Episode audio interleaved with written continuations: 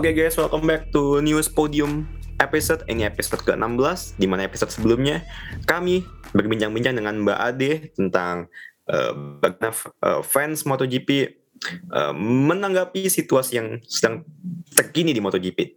Dan sebagai biasa, gue di sini sebagai host Aldi dan ditemani oleh temen gue, halo Ray.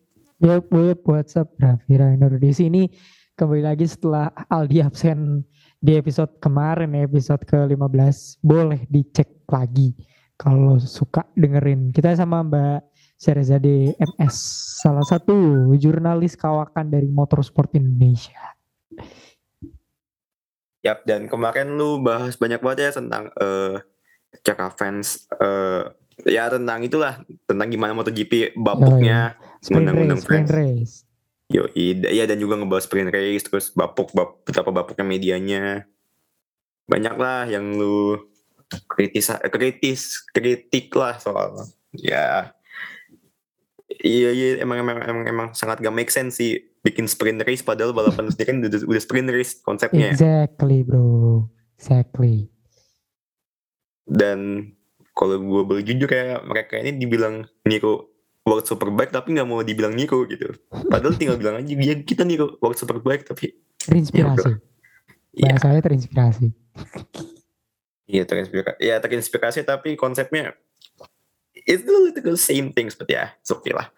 Uh, tapi sebelum kita menuju ke topik about uh, episode kali ini kita mau uh, mentribut dulu uh, karena pada hari Jumat kemarin uh, Queen Elizabeth kedua baru saja meninggal. Uh, may her rest in peace karena beliau ini memiliki apa ya, banyak banyak banget jasanya buat para atlet-atlet di Britania Raya sana. Dan ya yang paling terbaru itu yang tahun lalu ya yang ketika ia mengangkat Louis S. Sir setelah pencapaian dia beberapa tahun terakhir tujuh, tujuh kali juara dan even ketika 2008 ya ketika Lewis baru pertama kali juara dunia waktu itu langsung diangkat langsung mendapat gelar MBE Betul. dari keluarga kerajaan. Jadi gue apa ya benar-benar mengselit meng, meng, apa ya, mengselit orang ini lah karena dia itu terhadap dunia olahraga dan especially motorsport ya benar-benar uh, mau apa uh, the royal fam the royal family benar-benar mau apa ya ada di kalangan para para para atlet Betul. Di Britania kayak sana. Kalau lu gimana kayak uh, apa ya?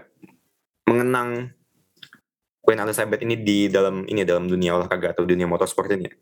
Uh, ya kayak tadi lu bilang mungkin kalau di sport secara general beliau sudah banyak lah mengangkat uh, atlet-atlet dengan gelar-gelar tertentu ya di sepak bola banyak banyak banget yang diangkat bukan cuma orang Inggris asli tapi juga orang Scottish, orang Wales dan segala macam uh, mungkin lu tahu Sir Alex Ferguson kan dia depannya Sir itu juga yang ngangkat Queen Elizabeth. Terus uh, banyak Frank Lampard di bola. Yang paling terkini Rashford ya waktu itu di mendapat gelar NBA uh, walaupun kalau gua nggak salah diangkat sama beliau juga apa enggak cuman di F1 juga banyak ya ada Sir Frank Williams lalu yeah. ada Sir Lewis Hamilton dan ya banyak sekali gue lihat pembalap yang juga berkesempatan untuk hadir ke sana ya uh, tempo masanya.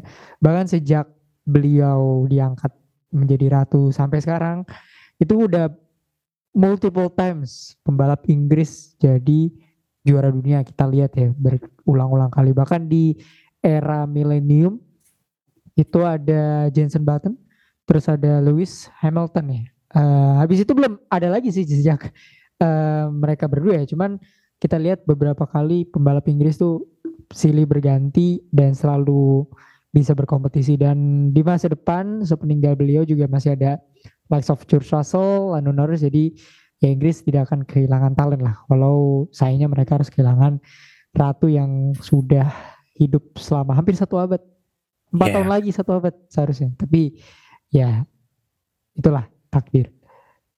Dan beliau juga having a good taste at otomotif juga ya di mana band apa mobil kerajaan dia Bentley uh, nama serinya itu Bentley uh, Bentley State li, li, limusin apa gitu New- ah, British itu itu yang yang gue tahu ya eh, itu B itu salah satu mobil paling langka di dunia di mana itu eh, requestannya Queen Elizabeth sama eh, eh, ini supir kerajaan Betul betul. Ya eh, bukan orang yang buta-buta banget lah tentang itu gitu. Jadi eh, beliau juga ketika ditanya tentang motorsport bukan bukan sekedar orang tua yang cuman tahu doang tapi emang emang invested ke situ ya beberapa kali bahkan di masa mudanya beliau juga bisa eh, mengendarai dan mengemudikan beberapa mobil-mobil yang mungkin bagi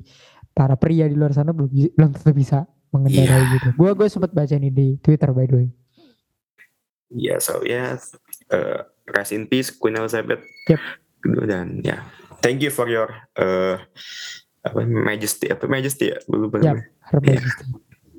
Oke, now we we go to the our topics hari ini. Yang di mana topik yang pertama adalah eh dari MotoGP dulu ya, bi- karena biar ada sambungan dari episode kemarin, di mana Peko Bagnaia setelah menang di San Marino kemarin itu dia mempertegas di, di mana dia udah empat kali menang beruntun di musim Betul. kali ini dan sekarang jaraknya ke Fabio hanya tinggal 30 poin. Eh, next race itu di Aragon. Aragon di mana ya Aragon sebenarnya bukan rumah Du- bukan rumah Ducati. Itu kalau sebenarnya rumah Honda tapi kan Honda sedang ya sebenarnya ru- rumah rumah rumah ini lah rumah rekan Jepang lah. Ya. tapi lu gimana? Lu, lu menanggapi bahwasan Fabio empat kali win ra- race win itu in a row gitu. Apakah oke kalau kita ngomongin chance juara pasti ada tet- tetapi lu ngeliat gak sih kalau Fabio ini setelah eh, summer break dia kayak kehilangan taste gitu kehilangan kehilangan semuanya menurut gue eh kehilangan pace mungkin enggak ya karena di eh, Silverstone sama di Austria di dia dia masih ada compete lah di sana gitu. Cuman kemarin pas Misano itu seharusnya gua rasa kalau kalau kalau kita tarik balik ke Austria ya, kita bilang di Austria dia dapat posisi kedua terpenting dalam karirnya. Eh, kalau enggak ya posisi dua terpenting di musim ini gitu. Tapi di Misano yang harusnya itu adalah piece of cake menurut gue untuk Fabio. Seenggaknya dapat podium. Tapi dia malah finish di luar empat besar gitu. Jadi menurut gue agak costly untuk seorang Fabio Quartararo gitu. Dia kemarin posisi ke 6 kalau gue salah. 6 ya. Dia finish uh, Fabio itu cuma finish di posisi oh ya sorry di di top 5 itu. Itu pun beberapa pembalap di depannya terjatuh gitu ke Jack dan segala macam lainnya gitu. Jadi menurut gua kemarin di Misono kalau dilihat hasil akhirnya oh cuman posisi kelima gitu ya. Cuman kan lu harus sadar Peko Bagnaia tuh dari 4 race beruntun bisa cetak 25 poin gitu. Empat kali berarti Peko dapat 100 poin dari yang sebelumnya dia ketinggalan sebesar hampir 90 poin dari Fabio Quartararo. Dia bisa sama comeback lah istilahnya di sini. Walaupun dari segi angka mungkin masih berjarak satu setengah race ya eh, 30 angka gitu. Tapi ini jadi alarm. Kenapa? Karena kita ngomongin race selanjutnya dulu kali ya Aragon. Coba lu lihat track recordnya Fabio Quartararo di, di Aragon. Dia nggak pernah tembus podium setahu gue 2020 tuh race terburuknya dia 2021 bahkan gua nggak mau ngomongin Fabio kayak gimana 2020 tuh Fabio sempat ada di posisi satu klasmen. Terus dia berakhir di posisi ke-8 klasemen. Itu awalnya domino terjatuhnya Fabio Quartararo dimulai di race Aragon yang jelek banget itu. Jadi eh gua rasa Peko akan semakin mendekat lagi. Kenapa? Karena dia tahun lalu juara di sini kan, yang duel hebat itu sama Mark Marquez. Jadi I don't see Fabio bisa competing sih di Aragon. Menurut gua kalau Fabio bisa podium mungkin ya itu mungkin akan tetap melanjutkan trennya dia lah untuk menuju ke seri Asia ya habis ini kan. Cuman gua nggak melihat Fabio bisa nggak usah ngomong menang kali ya Eh, podium deh. Eh, sulit sih untuk dia karena Aragon gak pernah jadi tempat yang sangat bersahabat untuk Yamaha. Bahkan se- seingat gue Yamaha nggak pernah menang deh. Dia Yamaha Yamaha itu terakhir kali menang di Aragon tuh in the name of Jorge Lore- Lorenzo ya. Lorenzo ya 2015 2015. 12 tahun Aragon berjalan Yamaha cuma menang dua kali sama Jorge Lorenzo jadi menurut gue sulit untuk untuk Fabio Quartararo melihat track recordnya dia sama tren yang lagi dilalui sama Fabio gitu. Kemarin di Misanote sih Yamaha udah ngetes eh, mesin baru ya yang katanya punya kecepatan yang lebih oke dibandingkan yang terakhir. Tapi gua nggak tahu nih apakah ini diaplikasikan untuk di play untuk tahun ini atau tahun depan? Gua nggak tahu upgrade-nya untuk ke depannya tapi kalaupun upgrade ini dikeluarin di Aragon gua masih tidak percaya bahwasannya Yamaha bisa compete in in in the name of Fabio Quartararo ya? Jadi sulit sih untuk gue. Jadi Peko akan memper sempit lagi jaraknya dia. Karena masuk ke Asia nanti baru itu Yamaha. Lainnya Yamaha lah, ada Motegi ada Buriram ada Sepang Phillip Island. Eh, jadi kalau gue jadi Peko gue akan mati-matian untuk ambil 25 angka besok di Aragon sih minggu depan Aragon itu especially sebenarnya musim lalu yang juara uh, Peko. Yap. Tapi sebel itu dia adalah orang Italia pertama yang menang. Kalau gue Ya. masalah karena sebelumnya itu adalah Spanyol, Spanyol, Spanyol, Spanyol, Spanyol, Spanyol, Spanyol. even Dovi nggak pernah menang di Aragon Yoi, Marcus, iya Marcus ini memang lima kali menang situ. Tapi kayak, eh lu ngerasa gak sih kayak apa ya? Peko ini setelah kan kemarin summer break isunya dia mabuk-mabukan terus nabrak ya. Setelah itu nggak tahu ya lu ngerasa dia ada perubahan mungkin apa gitu kayak mental dia berubah gak sih semenjak kejadian itu? Kayaknya dia mulai tersadar gitu loh. Sebelum mungkin sebelum tabrakan itu dia kayak eh, ke- ketika tabrakan itu terjadi mungkin ya Peko tuh udah terbangun dari ngelanturnya dia di babak pertama musim dia kan jatuh terus kan di Katalunya di Sansering terus tiba-tiba dia berubah jadi Peko yang kita lihat musim lalu gitu sangat dewasa sangat tenang gitu kemarin di Misano itu kelihatan banget perbedaan kualitas dari Bastian ini dan Peko gitu. Walaupun mereka jaraknya 0,034 ya, tapi Peko sejak memimpin tuh udah nggak bisa diganggu gugat gitu. Jadi menurut gua memang di emang kayak tahun lalu sih Peko nih panasnya di babak kedua musim sih ngeselin juga ya. Orang ini jadi dia harus putting a lot of effort mengejar poin-poin yang tertinggal itu cukup cukup disayangkan ya. Cuman kalau gua nggak tahu ya Marquez akan balapan atau enggak di Aragon ya.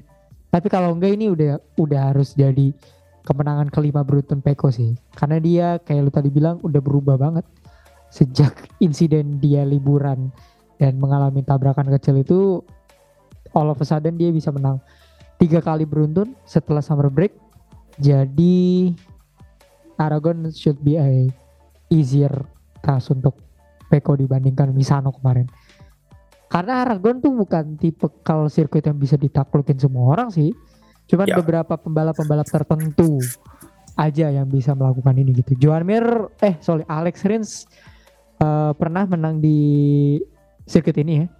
Iya. Eh, even Alex Marquez juga pernah podium. Alex Marquez podium jadi sini jadi gue nggak bilang ini untuk semua orang tapi untuk beberapa orang yang bisa mastering di sirkuit sih. Karena ini sirkuit unik ya. Eh, counter clockwise sirkuit semuanya belok ke kiri terus ada lurusan yang cukup panjang gitu ya. Dan sangat tidak sirkuitnya Yamaha sekali. Seinget gue Franco Morbidelli menang di sini deh. Waktu itu Aragon sempat race dua kali ya.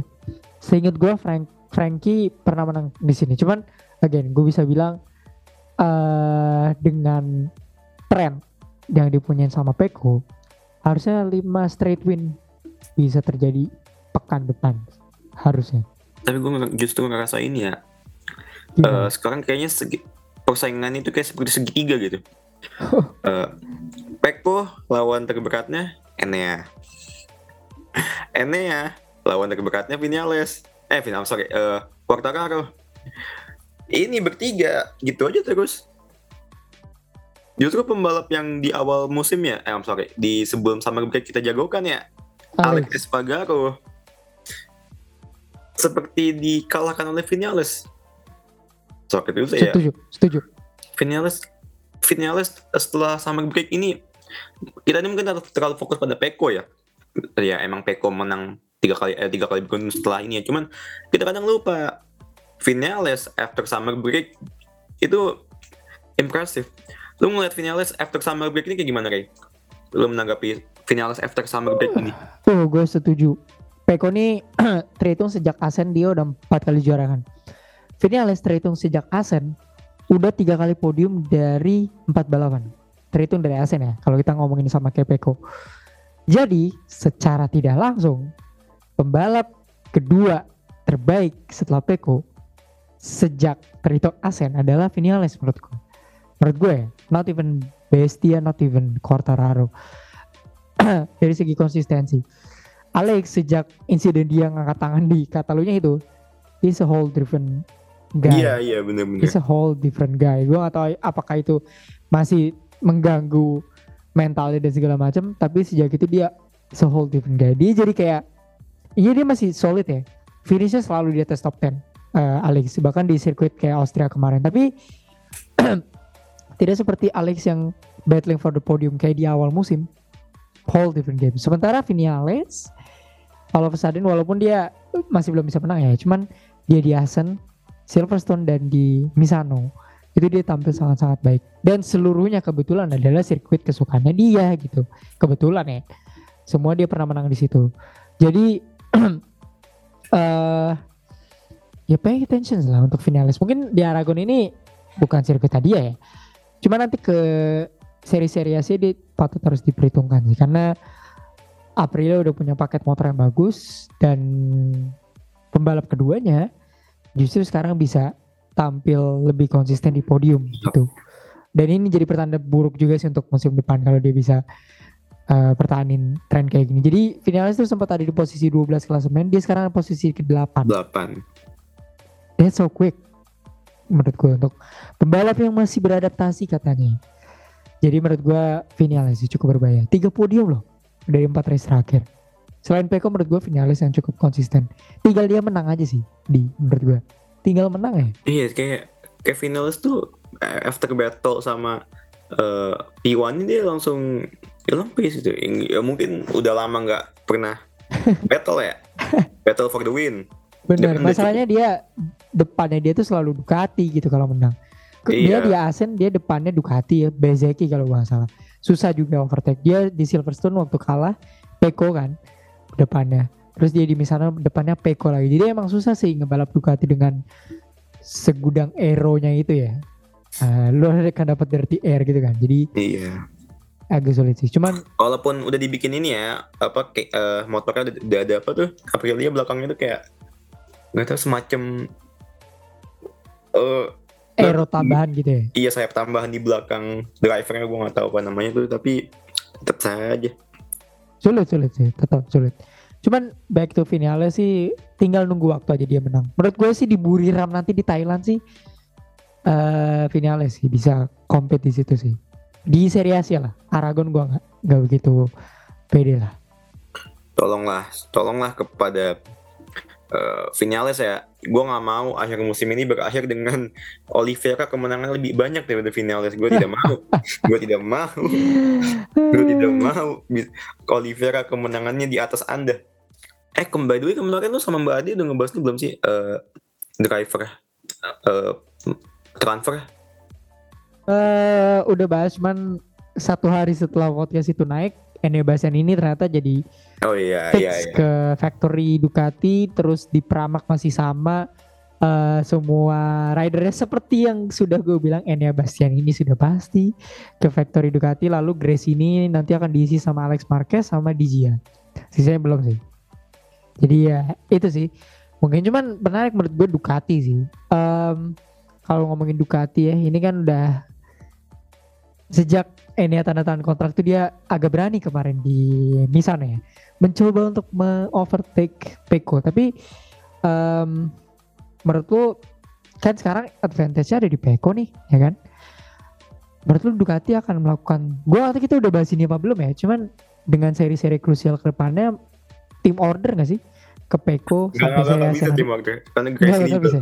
Gresini ya oke lah mereka emang satu power kan Ducati tapi kan mereka secara ini berbeda kecuali prinsipalnya udah ngomong apa si bos Ducati udah ngomong kalian gak boleh ini mungkin Enya bakal ngalah tapi kan Enya juga eh, secara hitung-hitungan ya fighting juga buat championship walaupun walaupun sangat sangat sangat kecil sih 70 Iya, sangat. 70 lebih poinnya Iya, dia sekarang ya sekitar 80 poin, eh 70 poinan lah. Tapi kan secara hitung-hitungan, chance masih, ada. Mengingat Fabio nggak nunjukin kalau dia seorang mantan juara dunia di paruh kedua musim ini. Gue sih berharap ya, biarin dia tuh orang berdua balapan biar kita tahu musim depan siapa sih yang lebih unggul.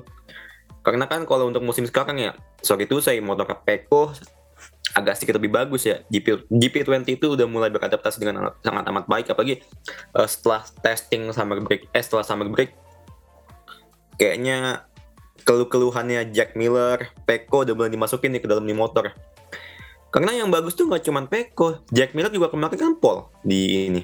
Tuh, walaupun jatuh di dua Iya. kata aduh itu gue emosi banget maksud gue dia bisa leading loh dia kan kalau start not not a very good starter ya Jack Miller dia leading and menggunakan kompon ban yang tepat gitu ya dia tidak pakai soft gitu ya jatuh pak aduh Tapi ya that, that, that, that, that is good thing lah maksud gue. ya at least Motor Ducati sekarang udah lebih eh, enak ke drivernya, udah driver udah mulai.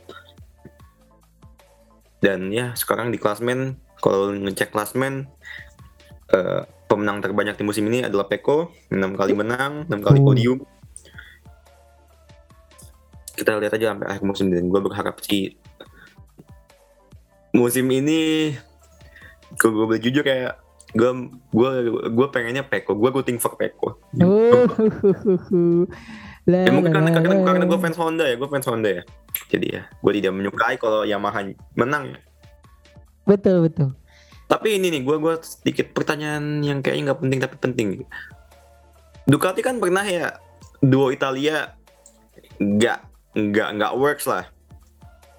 Ya emang ya, dan emang nggak works kan itu duo Italia pada saat itu.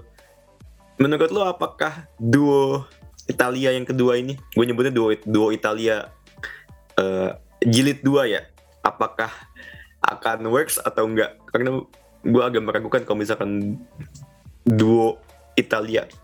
Uh, jilid satu nih maksud lu Dovia sama Iannone kan bukan sama Petrucci kan? Iya, Oh, iya. iya, iya. Kalau Gua kira Petrucci sama. kan itu kan ketika Ducati sedang hancur-hancurnya. Ya. Bagus kok bagus. Petrucci menang kok. Menurut gua dari segi competitiveness ya akan berbahaya sih. Bestia nih modelnya ya model-model pembalap kayak Iannone gitu. Ya benar-benar nggak pedulian lah dengan stake tim gitu. Dan gua rasa akan sangat berbahaya untuk Ducati musim depan. Lihat dari musim ini aja sih. Eh, tiga pembalap dengan kemenangan terbanyak, duanya adalah Pecco dan Enea gitu. The other one is Fabio kita tahu ya kan. Tapi ya that's that's a very good dan bad sign juga sih untuk Ducati menuju musim depan. Tapi kita ngeliat dari balapan Misano kemarin ya itu udah udah udah udah pertanda lah. Dua pembalap ini cepat tapi membahayakan satu sama lain juga gitu. Kemarin di last lap hampir tuh Enea di tikungan keempat gitu kan, hampir outbreaking eh belakangnya Peko gitu. Untuk dia menghindar. Kalau tidak sudah Fabio Quartararo dapat podium hibah gitu ya. Tapi alhamdulillahnya mereka berdua tidak bersenggolan. Italia membara di Misano jadi ya ini pertanda yang bagus lah untuk Ducati ke depannya. Semua pembalapnya kuat ya. Luca Marini kemarin posisi keempat juga. Eh Bezeki juga kuat. Jack Miller juga pole position. Paling tinggal Pramac sih yang menurut gua agak naik turun banget ya eh performanya. Cuman menuju seri-seri selanjutnya menurut gua udah mereka mereka udah harus team order sih. Termasuk kayak ini Bastian ini karena yang paling make sense dapat gelar menurut gua saat ini adalah Peko. Jadi coba untuk supaya Peko ini tidak hilang angka gara-gara kecerobohannya pembalap Ducati yang lain sih. Menurut gue udah udah harus shifting ke Peko karena eh momentumnya lagi di Peko nih sekarang. Why Yap. not untuk shifting ke Peko? Maksud gue lu ada tujuh motor lain kan? Itu bisa digunakan untuk melawan satu Yamaha Fabio Quartararo gitu. Karena nggak mungkin kan Quartararo dibantu sama tiga Yamaha yang lain gitu dong. Jadi Walaupun af- after testing di Misano kemarin menjanjikan ya Morbidelli-nya. ya ya Morbidelli mah begitu sih sekarang. Jadi ya eh, menurut gue tujuh Ducati lain tuh coba dilawanin sama Fabio deh. Maksud gue misalnya nih di sebuah dunia yang sempurna gitu kan, Peko nomor satu, eh tujuh Ducati lainnya di belakang dia gitu kan. Berarti Fabio finish ke-8 dong. Itu itu menurut gue udah udah udah pundi-pundi poin yang penting lah untuk Peko. Kalau at least 5 Ducati lain bisa ngenutupin performanya Fabio Quartararo gitu. Itu sih paling. Fabio itu pinggangnya pasti berat banget ya. Udah Oh. menanggung beban Yamaha, menanggung beban media MotoGP pula, Betul. Betul. Harus menanggung beban lawan Ducati. Instagram. Buset deh. Harus lawan 7 8 Ducati, men. Iya. Belum lagi Empat. dia harus mem, mem- ini, men- apa, menaikkan hype-nya MotoGP tiap race dengan story Instagram dia, Betul. main ketemu artis sana sini. Betul. Karena pembalap lain tidak melek sosmed deh. Iya. Betul. Itu sih itu sih paling kalau dari MotoGP. Marquez juga sekarang udah mulai kayak Lewis isinya. Itu Positif- dia. vibes mulu. Dia sepertinya akan kembali di Aragon ya. Karena menurut gue Marquez paling make sense balik di Aragon.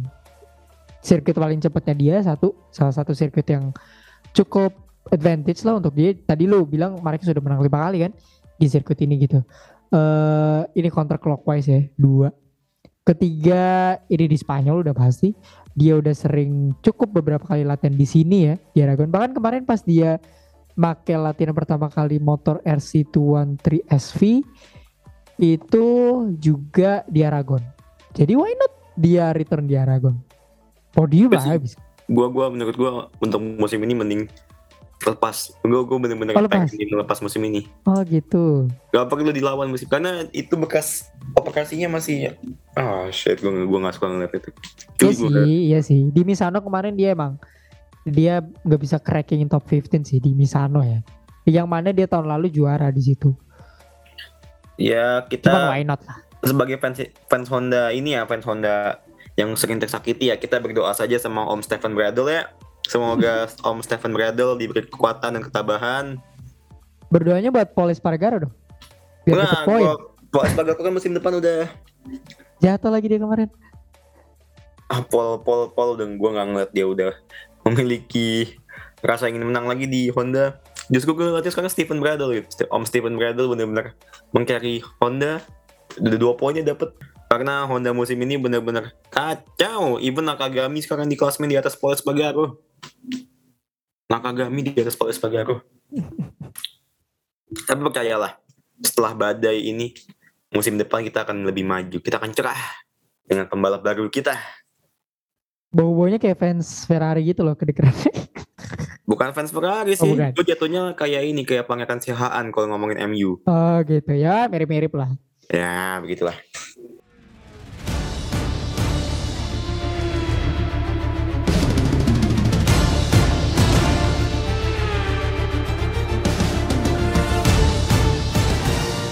Oke, setelah kita talk about MotoGP, yang di mana itu ada sebenarnya kelanjutan dari episode kemarin ya, like that lah. Kita menuju ke Formula One, di mana Max juga empat kali kemenangan beruntun dan kemenangan yang paling gokilnya dia. Ketika kemarin di Spa dia start dari row paling belakang dan finish. Permasalahannya dia tidak finishnya tipis, dia finishnya jauh. Itu dia. Di Spa dia menang, di eh Zandvoort dia menang dan sekarang dia aiming for that di Monza di mana dia tadi di kuali di kuali udah P2 hasil kualinya. Oke, lu, lu sama-sama setuju sama gue kan ya kalau musim ini sebenarnya udah menjadi musimnya Max ya. Aduh. Berat. Tapi Iya iya lu oke lu kan sebagai fans Ferrari gue gue yakin lu sebagai fans Ferrari juga udah mulai merelakan kan ya. Muak lah, muak. Tetapi kita kita kita gue tuh kalau ngomongin Max gue tuh gak suka ngomongin tentang title kerebutan title dia sama Charles. Gue tuh lebih seneng. Apakah dia akan dapat rekornya Vettel musim ini? Uh, That stuff, man. Musim ini Oh. gila men. Itu itu itu that's a good question menurut gua karena Eva tinggal ini kan kita rekaman sebelum Monza ya dan berharapnya mudah-mudahan podcastnya juga rilis di race day eh, Monza jadi terhitung sama Monza tuh tinggal berapa seri lagi ya? Is Eh, it seven six? Tujuh delapan. Abisnya ada Russian. Eh Russia kan nggak ada. Ya ya ya sorry sorry gue lupa.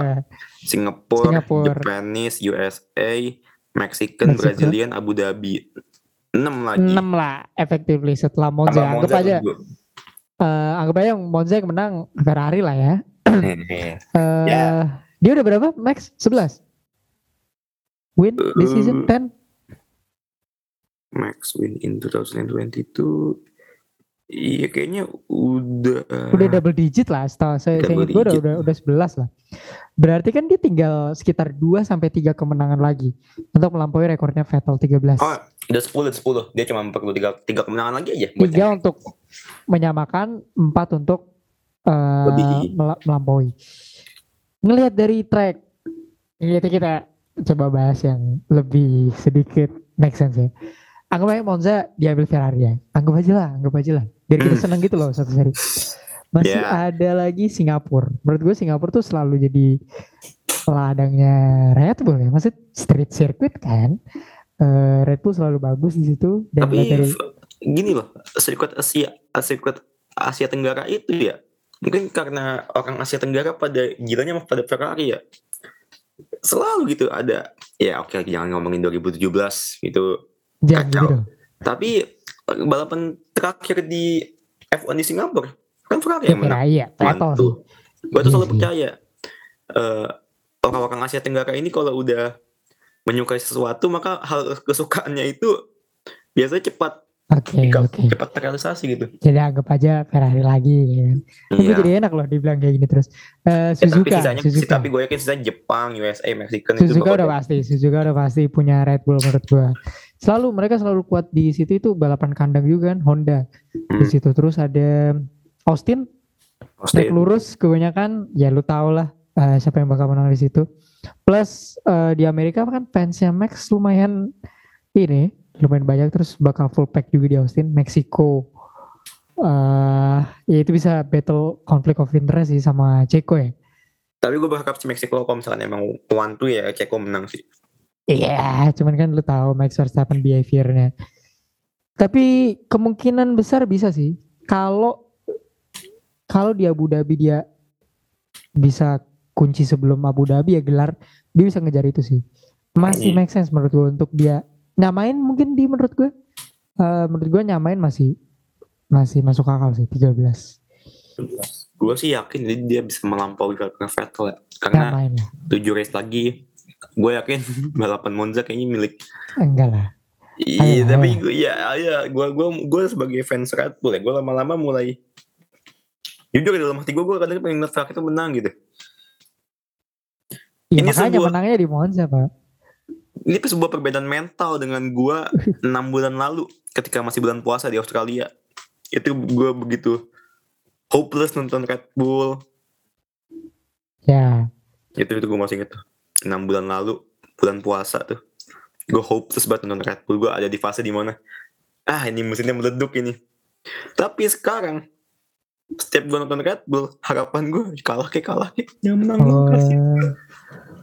udah udah di udah di strata di mana lu udah kasihan sama rival tim gitu ya. Iya betul. Ah, gitu. Cuman ya itu pertanyaan pertama yang dia melampaui Vettel atau enggak. Tapi menurut lu dia akan mengunci gelar di mana?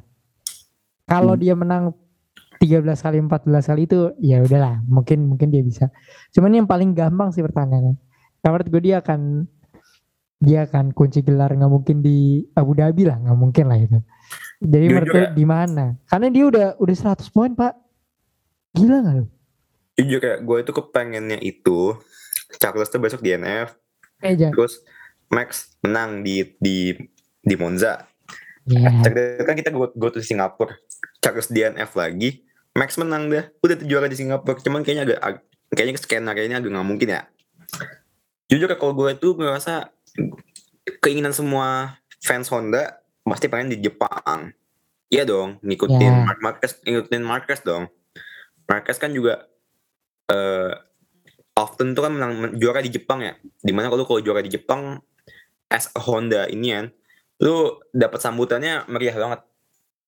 Lu kalau udah ngebawa brand Jepang ya, Honda gitu-gitu, lu ketika lu juara, sambutannya pasti hangat banget. Tapi gua nggak mau muluk-muluk ya. Menurut gue di Austin sih, Austin itu paling memungkinkan. Tetapi ya gue jujur gue pengennya di Jepang karena ketika ya pembalap-pembalap Honda ini juara di Jepang, orang Jepang ini selalu nyambutin dengan cara yang berbeda gitu. Kayak kehangatan Jepang tuh nyata ada aja ketika ada pembalap yang menjuarai eh, mesin-mesin Jepang. Jadi ya semoga di Jepang sih. Iya iya, gue gua gue juga setuju lah. Eh, Vettel tuh juga pernah 2011 kalau gue nggak salah kunci gelarnya juga di Suzuka itu rame banget. Hmm. Correct correct me if I'm wrong ya. Eh Schumacher juga pernah, walaupun dia nggak bukan orang Jepang, pabriknya juga bukan Jepang, tapi besar banget waktu itu perayaan 2003 kalau gue nggak salah. Tapi orang Jepang tuh emang penggila otomotif parah sih. Ya betul betul. Jadi ya ya oke oke, gue juga setuju sih kunci di Suzuka atau di Austin sih. Itu bakal Iya. oke. Kalau dia ngunci di Austin, ini dia momen comeback apa? Momen perayaan F1 yang bener momen perayaan karena kan balapan di Austin nggak mungkin dong nggak ada artisnya, Bener dong. nggak mungkin dong Michael Jordan nggak turun ke bawah. Nah, itu mah di Miami dong. Kalau di Austin tim Duncan yang datang. Oh bukan bukan ya. Ya Sih, itu sih semoga, Bang. semoga semoga semoga tim Duncan nonton kan. Max itu udah udah beda dibanding tahun lalu kita lihat tahun lalu sepertinya wah Max is amazing outstanding season dia dengan Lewis dan segala macam tapi musim ini nggak ada yang bisa nyentuh dia menurut gue Iya. di awal musim tuh dia ketinggalan berapa poin 40 60 even even ya le- mungkin lebih daripada itu ya tapi dia 40. bisa mengembalikan semuanya gitu right at the right moment Um, Hanya ada satu orang yang bisa menyentuh mobil Max, yang yaitu adalah engineer dan kru pitnya. yang lain hanya di belakang Max. Aduh, itu lucu banget sih. Cuman ya dia emang untouchable. Lu mau ngasih dia start di posisi berapapun orang lain gak bisa. Pembalap lain gak bisa untuk melampaui dia. Lu kasih dia di pole udah pasti dia ngacir ya kan. Lu kasih dia di second row dia bisa ngebalap lu dari tikungan pertama. Lu kasih dia start di posisi 14 pun dia udah bisa mimpin di lap 12 gitu. Iya. Ditambah juga pit engineer dia ya semenjak ada Simba Smith itu ya. Yang di mana dia itu kalau gua nggak salah baru ini baru kelihatannya itu setelah kemarin di after summer break buset deh kalau kemarin liat Zenford no diketawain lihat sampai sampai senyum senyum dia Betul, betul, betul, betul. Di Sanford dia juga start bukan di tempat yang dia inginkan dia. Tapi dia masih bisa juara. Bos. Itu sih menurut gue yang agak bukan agak ya, yang hebat dari Max musim ini gitu. Jadi ya shout out to him. Gue rasa kita nggak perlu bahas driver lain sih. Kecuali Iya. nanti di Monza ada something special seperti di dua tahun sebelumnya. Cuman lo tau gak sih menurut gua oke, F1 saat ini eh by, by the way tadi gue ngasih info. Nick De Vries anak bangsa kesayangan kita akan balapan besok ya. Jadi besok akan ada battle Charles dengan Nick De Vries anak bangsa battle. Tahun depan Monza. Karena gue tuh percaya Williams itu straight line-nya kencang banget. Gue udah sering bilang speed trap market tuh gila banget. Semoga besok Nick, Nick De Vries bawa pulang poin ya. Dia start P13 no pressure no pressure no pressure. Juara Formula E no pressure. No pressure bawa mobilnya. Ray gue ingin lu gue ingin lu mengerate berapa drama Oscar Piastri zero from eh from zero to ten Wah iya kita belum bahas. Cuman mungkin gua akan rate aja ya. Mungkin berdram. Aduh ini susah sih. Soalnya segala sesuatu dimulai bukan sama Piastri justru ya. Kita tahu sama orang yang cuma bikin akun IG untuk ngomongin Iya. pensiun. Tapi this whole drama is 9 per 10 sih menurut gua. iya Menurut gue sih it's, eh, mungkin beberapa orang rate 10 per 10 ya. Eh, untuk mereka yang investing waktunya di sosial media. Cuman menurut gue 9 per 10 dengan segala perubahan. Kenapa 9 per 10 mungkin tidak berpengaruh kepada tim besar. Menurut gue kali ya. Tapi 9, ya 9 setengah lah. Karena dramanya terlalu aneh sih menurut gue. Termasuk Fernando Alonso ke Aston Martin menurut gue itu ada perpindahan paling paling WTF. Itu sih paling dari gue. Lu berapa? Tadi kok kata lu kan bukan tim besar ya. Kita kan nggak tahu apakah Alpine dan McLaren musim depan akan jadi kayak apa. Iya Nggak, sih. Gue suka banget dramanya. Ini ini ini gue aku ini lebih bagus eh, drama ini daripada semua sinetron Indonesia. Gue lebih suka drama ini. Oh iya dong. 10 Jelas, jelas. gue ngasih nilai 10 juga terlalu kurang gue ngasih 100 ya enough lah 100 karena gini loh dramanya itu di awalnya itu eh McLaren kan udah bilang tanggal 13 Juli sebelum pokoknya sebelum balapan di French di French Daniel lu stay sampai 2023 Yes. lu as Daniel Ricciardo kan pas sebenarnya udah oke gue stay dong. Ya udah udah ya, istilahnya apa yang ada di kepala lu beban di ini lu udah lepas. Karena lu tahu musim depan lu bakal balapan. Tetapi setelah gue baca-baca lagi ternyata seminggu sebelumnya sebelum Daniel diperpanjang McLaren tuh sempet kontak-kontakan sama Oscar Piastri. Itu kurang ajar sih. itu kurang ajar ditambah juga eh Alonso juga ketik dia itu cabut dari Alpine pas banget ketika kontraknya Piastri udah mau habis tanggal 31 Juli. Jadi Alpine seolah-olah nggak punya kesempatan untuk nego-nego lagi ketika mau dinaikin. Lah iya kontraknya udah habis. Kan eh, Alpine tuh kan mau naikin Oscar tanggal 1 ya. Gue gue tuh inget story kan eh, Alonso itu cabut dari Alpine pindah ke Aston Martin tanggal 30 atau tanggal 31 Juli gitu. Pas banget di mana Oscar Piastri kontraknya habis at that time. Ketika Alpine mau ngambil Piastri udah diumumin dari announcement nih tanggal 31 Juli. Bang. Selesai. Eh, agennya Mark Webber nggak ada ng- ngasih eh, titik terang. Oscar juga dari situ udah ketahuan lah kok gini. Ya itulah uh, drama-drama yang terjadi di off season menurut gue off seasonnya menarik banget sih Evan kemarin. Sangat, Tapi McLaren pintar sih. McLaren McLaren ketimbang bayar gaji Daniel Ricciardo yang gede. menurut gua agak over ya. Mm, Mending dia bayar pesangonan Daniel. betul, betul. Setahun lagi kan, berarti kalau Daniel dipertahanin 2023. Lumayan. Bisa bikin boncos. Cuman ya itulah eh, dari off season. Eh, karena Spotify sekarang sudah ada poll. Poll tuh maksud gue poll polling ya bukan poll Espargaro. Eh, itu ada poll sekarang. Jadi lu bisa poll lu akan naruh eh, rating berapa untuk transfernya Piastri Iya. eh whole situation dan kita juga ada Q&A menurut lo eh apakah Peko Baknaya akan mengambil tahtanya Fabio Quartararo di klasemen sementara MotoGP. Ini lagi Mick Schumacher lem- resmi cabut dari driver akademi Ferrari. Apa dari Ferrari line up Yep. di mana kira-kira musim depan dia kayaknya akan cabut juga dari Haas. Kontrak kontraknya musim depan habis. Eh, I'm sorry, kontrak dia musim ini habis sama Haas. Jadi musim depan dia pasti free agent. Nah, ini dia yang menarik nih.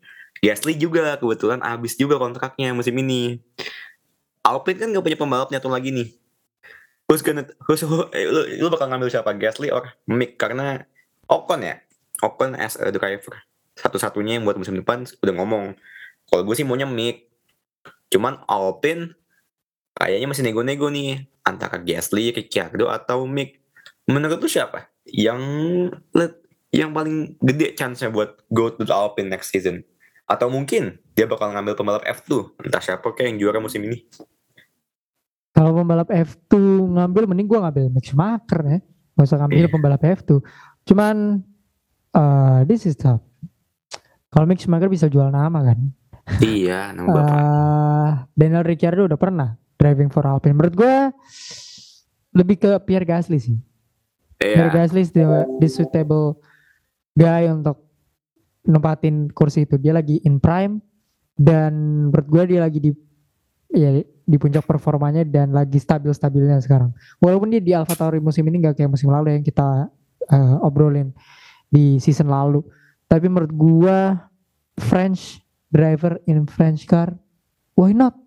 Marketingnya lebih bagus dibanding bawa Mick Schumacher di Alpine atau Daniel Ricciardo yang udah 32 tahun underperforming juga jadi as far as I love Ricciardo ya.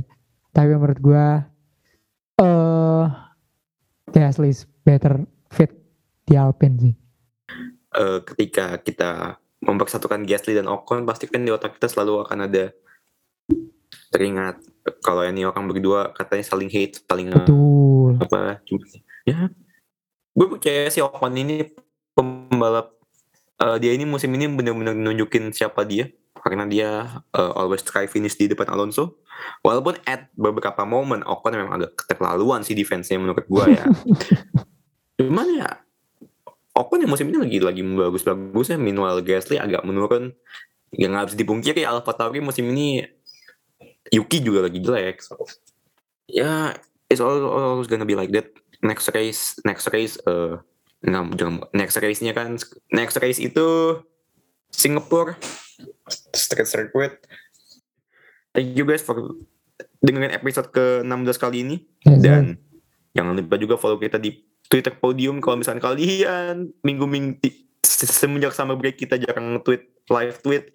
Iya, ya mau kalau gua- dimaklumi ya. Iya mau dimaklumi. Karena gue jujur ya gue akhir-akhir ini sedang menghemat ya. Gue tidak langganan F1 di video untuk bulan ini karena Premier League amat menguras kantong mohon maaf Betul Video, sekali. tolong Liga buat yang solusi. tidak relevan.